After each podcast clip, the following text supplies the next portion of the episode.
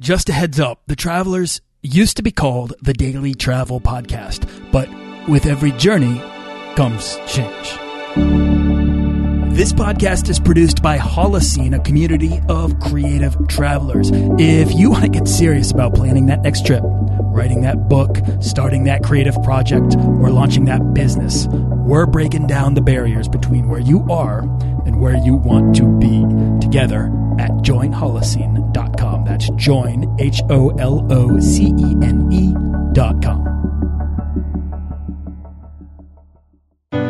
Today, we're talking about a life of travel through a love of giving with Stephanie Zito. Do you want to travel further and more often to visit new places and meet new people and expand the role that travel plays in your life? I'm your guide, Nathaniel Boyle, an explorer that wants to help you get out, see the world, and find meaningful, life changing experiences. Everyone wants to be adventurous and have great stories, to do the stuff of legend. This is the Daily Travel Podcast. Now, before we dive in, if you want to get started earning frequent flyer miles or points to travel for as close to free as possible, then you can head on over to dailytravelpodcast.com and sign up for the weekly newsletter and get my book, The Beginner's Guide to Points and Miles, completely free.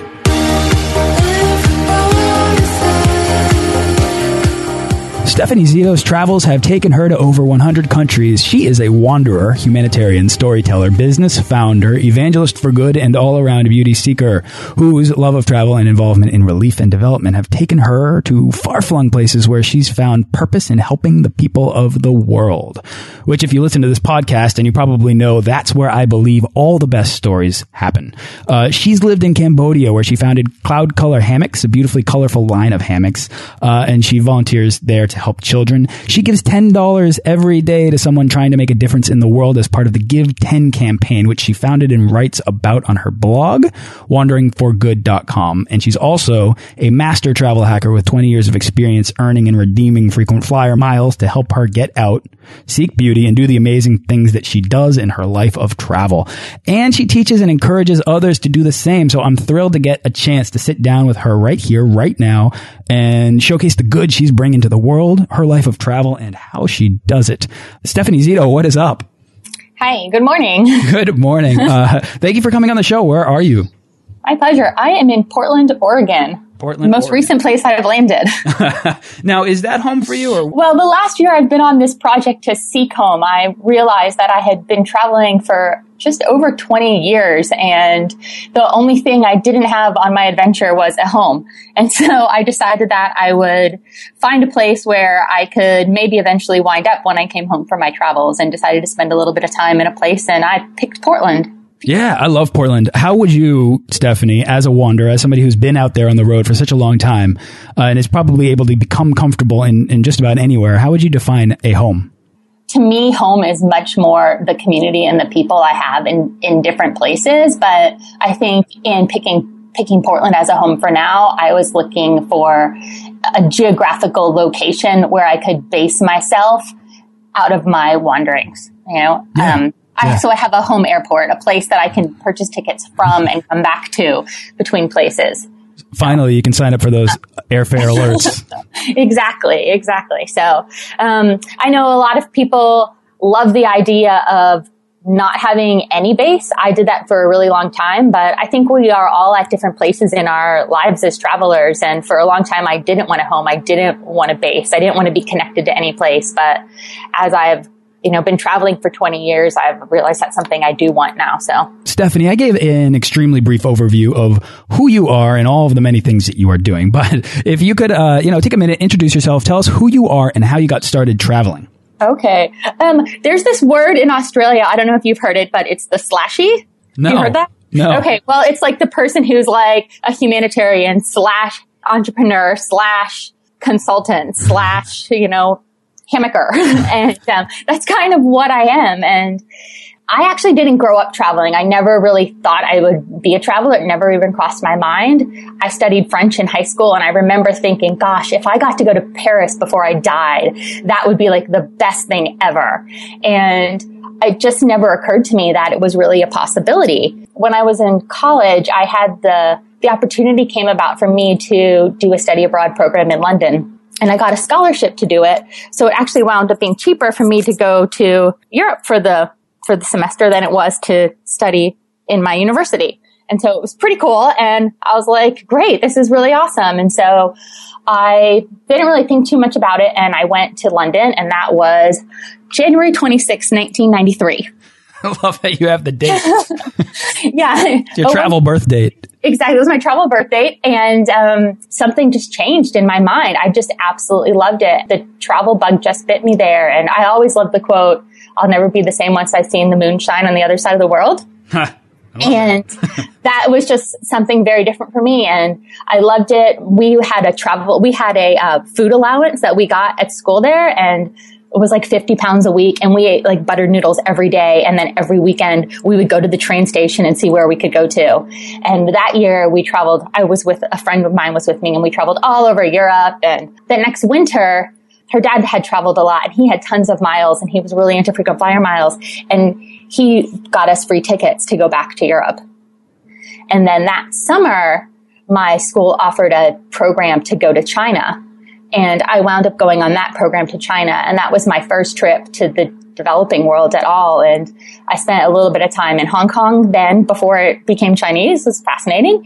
At the school we studied at, there was some people who worked there who were foreigners and they were just really normal people. And I was like, oh my gosh, you don't have to be anyone special to to travel to work overseas. Like real, like real regular people do this.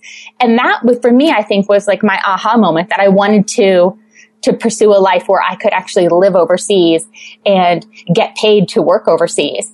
That next summer, I found an opportunity to move to Thailand.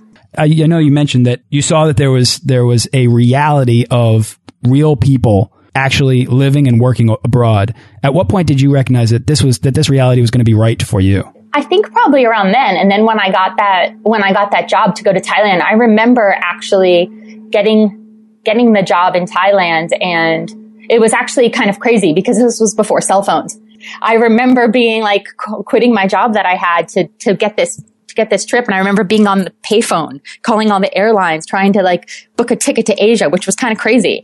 I remember getting the ticket and getting on the plane and leaving my life in Atlanta behind and thinking, well, the worst thing that could happen is I hate it and I can buy a plane ticket home if I do. So I think that was probably that point, like that first time that I was in Thailand, I just met so many great people and had such a good community and just really loved the life and just then realized that like traveling for a living and having a life weren't mutually exclusive. Stephanie, you write your travel stories from over 100 countries that you've been to on your website, wanderingforgood.com. I, I love this because it tells me that you acknowledge the value of these stories for yourself and others that you're sharing them with. And for travel for me, it's it's all about the stories that happen to us that we carry home and share for the rest of our lives. And the best stories come from the people we meet and the ways in which we help each other. And I truly believe that because I've experienced it over and over. Uh, do you have a travel story about a person or people that you met that might stick out that you can share with us? When I lived in Sudan, I lived in I lived in Darfur. I was there as a you know as a humanitarian worker doing communications for an NGO and was like in a really desolate part of the world. I remember my program officer before I went on that on that mission said to me, you're going to get there and you're going to think, why would anyone want to oppress these people? They live in the most oppressed place in the world already. That just stuck in my mind. And I went out there and, you know, you fly into um, Khartoum and then you fly six hours across the desert and you land on a sand airfield that has like a crashed plane on the end of it. and you get there and, you know, there's, it's awful. There's just, it's like the sandiest place and there's nothing there and, you know, it's dirty and it's dangerous. You can't go out after dark anywhere you travel in the day. You have to go in a convoy. It's like, it's a pretty miserable kind of situation. And we had, um, two women who worked in our compound. They were the two women who were the cooks. They were just the most amazing, colorful, joyful women I have ever met in my life. They were so generous. They would bring things every day. And you knew these women didn't have anything. One of them had a husband who was dying and they were refugees some, from some other part of Sudan and had like, you know, walked to the town where we lived, but they were so giving, so caring. And I used to sit in the, in the kitchen with them and they would teach me Arabic. They were just such a, like a testimony of joy to me. I think for so many of us in the Western world, so much of our, our happiness comes from our circumstances. And I think for me, they just again taught me that lesson that it doesn't matter what's going on around you. You can be in the worst situation ever and you can still be caring and giving and joyful your station in life, you begin to kind of recognize exactly where that is, where that lies in the spectrum of uh, situations that everyone grows up and lives in and then defines their re realities around. You know, these people grow up in, in a place in which they have to endure so much more in order to get the basics. I know when I went to Bali, and now Bali, and comparing Bali and, and Sudan is almost an unfair comparison, but my initial impression, the way I'm going to relate this is that my initial impression of the Balinese people was that they were poor. But poor, poor by whose definition? And it only took me, it only took me maybe a week before I recognized how much those people had and how happy they were. Even though, you know, I as a Westerner would see them bathing in the streets and then they would tell me how the vast majority of them couldn't afford to even fly off their own island. But that didn't define them as poor. And it only took me a little bit of time to kind of recognize exactly what that meant with, with, with respect to me and the way I define the circumstances that everyone grows up in. Very true. Very true. Yeah. Okay. So, Stephanie, give 10. At what point did this happen? Uh, tell us about this campaign, what that is, and what inspired the idea. Give 10 started about two years ago, I think. I had been doing humanitarian work for quite a long time. And I think, like any kind of work you do, after a while, it kind of becomes work. You know, you start to do something and you really love it and you're really passionate about it, whether it's writing or you know, selling something you make, you know, you do it because you love it and you see purpose and you have ideals in it. And for me, I really had that when I started doing humanitarian work. I wanted to change the world. And I think after a while, you just kind of get bogged down in the the politics of it, the day to day actual work of it, and you see your work and you don't see change anymore. And I was writing my, I was doing my end of the year goals one year, and I just kind of felt really depressed like you know am i actually really making any change anymore? And you know is the stuff that i'm investing my time and my life in is it really doing good? And so i decided to i decided to do a 30 day challenge. And my 30 day challenge was i was going to do research and find an organization that was making change somewhere in the world every day and i was going to invest $10 in that organization because that's what i could afford. And so I planned to do it for one month and I started telling people about it on Facebook, kind of for my own accountability. And it became so fascinating to me. And I did it for 30 days and I had such a good response that I decided to keep doing it for the whole year. I found organizations that that I thought were actually making some some kind of change in the lives of some other people and I gave $10 to that organization and I shared it on Facebook, on Twitter, on the social media of the day back then, then people would come to me and they tell me about projects they knew about and they cared about. And it really, for me, one of the most amazing things was it gave me a different perspective when I was traveling because that as I started traveling to different places, I started looking for local opportunities to give money, local and people who were actually affecting and had organizations that affected changes in those areas where I was traveling. And so I'm not giving $10 every day right now. I'm still doing special projects and supporting some of those organizations and giving to new organizations as I find them. And I actually have a Facebook page for Give 10. It's Facebook slash Give 10. And I post opportunities that I find there. And I'm actually doing a project right now. I just actually signed up yesterday to run the Hood to Coast race here in Portland to raise money for a water project in Sudan. Oh wow! So if anyone wants to support me to do that, it's actually August twenty second. oh, there you go. All right, we'll, we'll give ten. Perfect. We're going to link to the show to that in the show notes. Um, what so what sorts of people or organizations would qualify as agents of change on your travels? Because I would imagine that even if you're doing it just for the one month, thirty days, that might be tough to find fill all 30 slots. But yeah, then you, you do it for a whole year. Wow. Might you might think so, but oh my goodness, I was really surprised how many things there were I gave to big organizations, I gave to small organizations, I gave to people running um, races, I gave all seriously all over the place. Like even you know in Cambodia alone, there's over two thousand organizations that are working in the in the country. So there are and it didn't have to be for me it didn't actually have to be an organization per se. I gave to a community in Mexico that was, you know, raising money to start a school that I found out about from my friend who lives in Mexico. The main thing was I would try to vet the organization as best as I could through my network because there are a lot of organizations that really aren't good. You know, I mostly don't give to orphanages unless I know specifically someone who's related to them because there's such a problem with, you know, orphanage tourism and people creating orphanages in places where they sh- shouldn't actually have orphanages because they raise money. Um, there's a lot of kind of sketchy places to give. So I'm very cautious about what projects I give to. And I'm also like very cautious when I give to like human trafficking projects. I'd make sure the organization has really good programs and they don't like show pictures of the kids online and exploit exploit the kids to get money. I'm I'm also very cautious about those things. But that's probably too much detail here for this interview. no, it's interesting though, and it, clearly you're paying attention, right? Um, uh, but that's one of the answers I think to the to my next question, which is what what came out of Give Ten and you know completing it, and uh, you know what did you learn from doing it? I learned a ton. I think the biggest thing that came out of it was the community that was built around it. Um, because there's people who follow it and people who do want to give but don't know how.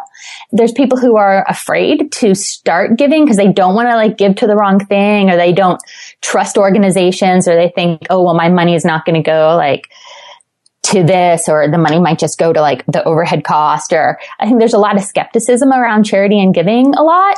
And so I think there was a good, there was a good community that came out of it and, and some trust. For me personally, it really kind of restored my faith in, in what I was doing. And a quick story, like there was a, an organization in Cambodia that I gave $10 to and I shared it on Facebook and someone saw it on Facebook and they wrote to me and they said, Oh, hey, do you know this foundation in DC? They're looking to do matching grants for projects like that. And I think this organization would be a great candidate. Would you be interested in connecting them? And I was like, um, sure. And so I wrote to the foundation. And I was asked them what they were doing and basically it turned into a $5,000 matching grant for them to do anti-trafficking projects in communities in Cambodia. That all came out of me giving $10 and somebody seeing it. They would have never heard about that organization before. So there was some really cool, some really cool things that happened from it. So a simple small act of good could spread into something much larger. Exactly. Exactly. And, you know, people giving $10 here and there you know, it doesn't seem like a lot, but if everybody gives $10, it really does, it really does make a difference quickly. And $10 is something you can give pretty much risk free. All right. So, Stephanie, a while back, you mentioned uh, frequent flyer miles entered the picture for you when you were traveling after your adventures in Europe and kind of returning to do a little bit more. Uh, how did how did you get started in in the world of travel hacking? And has that facilitated your ability to travel as extensively as you have? Yes. well, I got started in the world of travel hacking as a young child.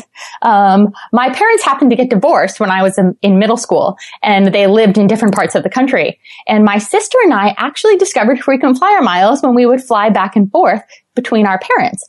And back in the day, all you had to have was the boarding pass and you could credit it to your account. So we used to play this game and get other people's boarding passes to see how many miles we could collect. We had no idea what they were for. That was my first encounter with frequent flyer miles. The entire time I've traveled, I've been a little bit obsessed with collecting miles. I remember when I lived in Thailand was when the first airline alliance was formed and Thai Airways joined the Star Alliance and it was a big deal. And I started collecting miles then. And the longer I lived overseas, the more I kind of got into that world of of travel. I was just always fascinated with the airlines and, and how they operated. And I've always been, I, when I was a kid, there was this book called Free Stuff for Kids. So I've kind of always been obsessed with like getting stuff for free. when I lived in Africa, I would fly often using miles. And I actually had a friend who worked for Delta who would also hook me up with some buddy passes. And that was a, a great, kind of a great deal. I remember my first uh, business class trip was using a buddy pass to fly from from Brussels to the back to the US. Um, so probably for the first like 10 years of my travel, I would, I had a very basic strategy, very straightforward in doing it. I would fly and collect the miles, you know, and I would say probably in the last 10 years, I've been a lot more active in getting frequent flyer miles. And then when I say active, I mean using, getting credit card bonuses, signing up for deals, following what deals are online, you know, using hotel partnership points and getting a lot of my travel through redemptions. Basically, I've, a lot of the work that I do would pay for me to fly back and forth, but I would always try to take all of my personal, anything I would pay for myself, I always try to pay for with miles. So you accrue the majority of your miles before credit card bonuses and signups through the through the flights that you actually were taking. Mm -hmm. Yeah. Uh, and then and then but then would you say in the past 10 years you've come to earn more on the ground than you do in the air? Definitely. Definitely. And I think that's really changed in the world of credit, uh, in the world of miles. I think in the very early days of frequent flyer miles, you got miles by flying and lots of people did mileage, mileage runs because that was the, that was how you got miles. And, um, but now most of the miles are earned on the ground and not in the air. And, you know, I'm earning probably at least 300,000 miles a year now. And my main flights that I take to Asia, which would be the ones that would get lots of miles, those ones I actually fly business class when I can and I use miles to buy them. So I'm not actually earning miles on those flights. I'm actually using miles to buy those flights. Yeah, Americans are fortunate to live in a society that has an integrated credit and travel system.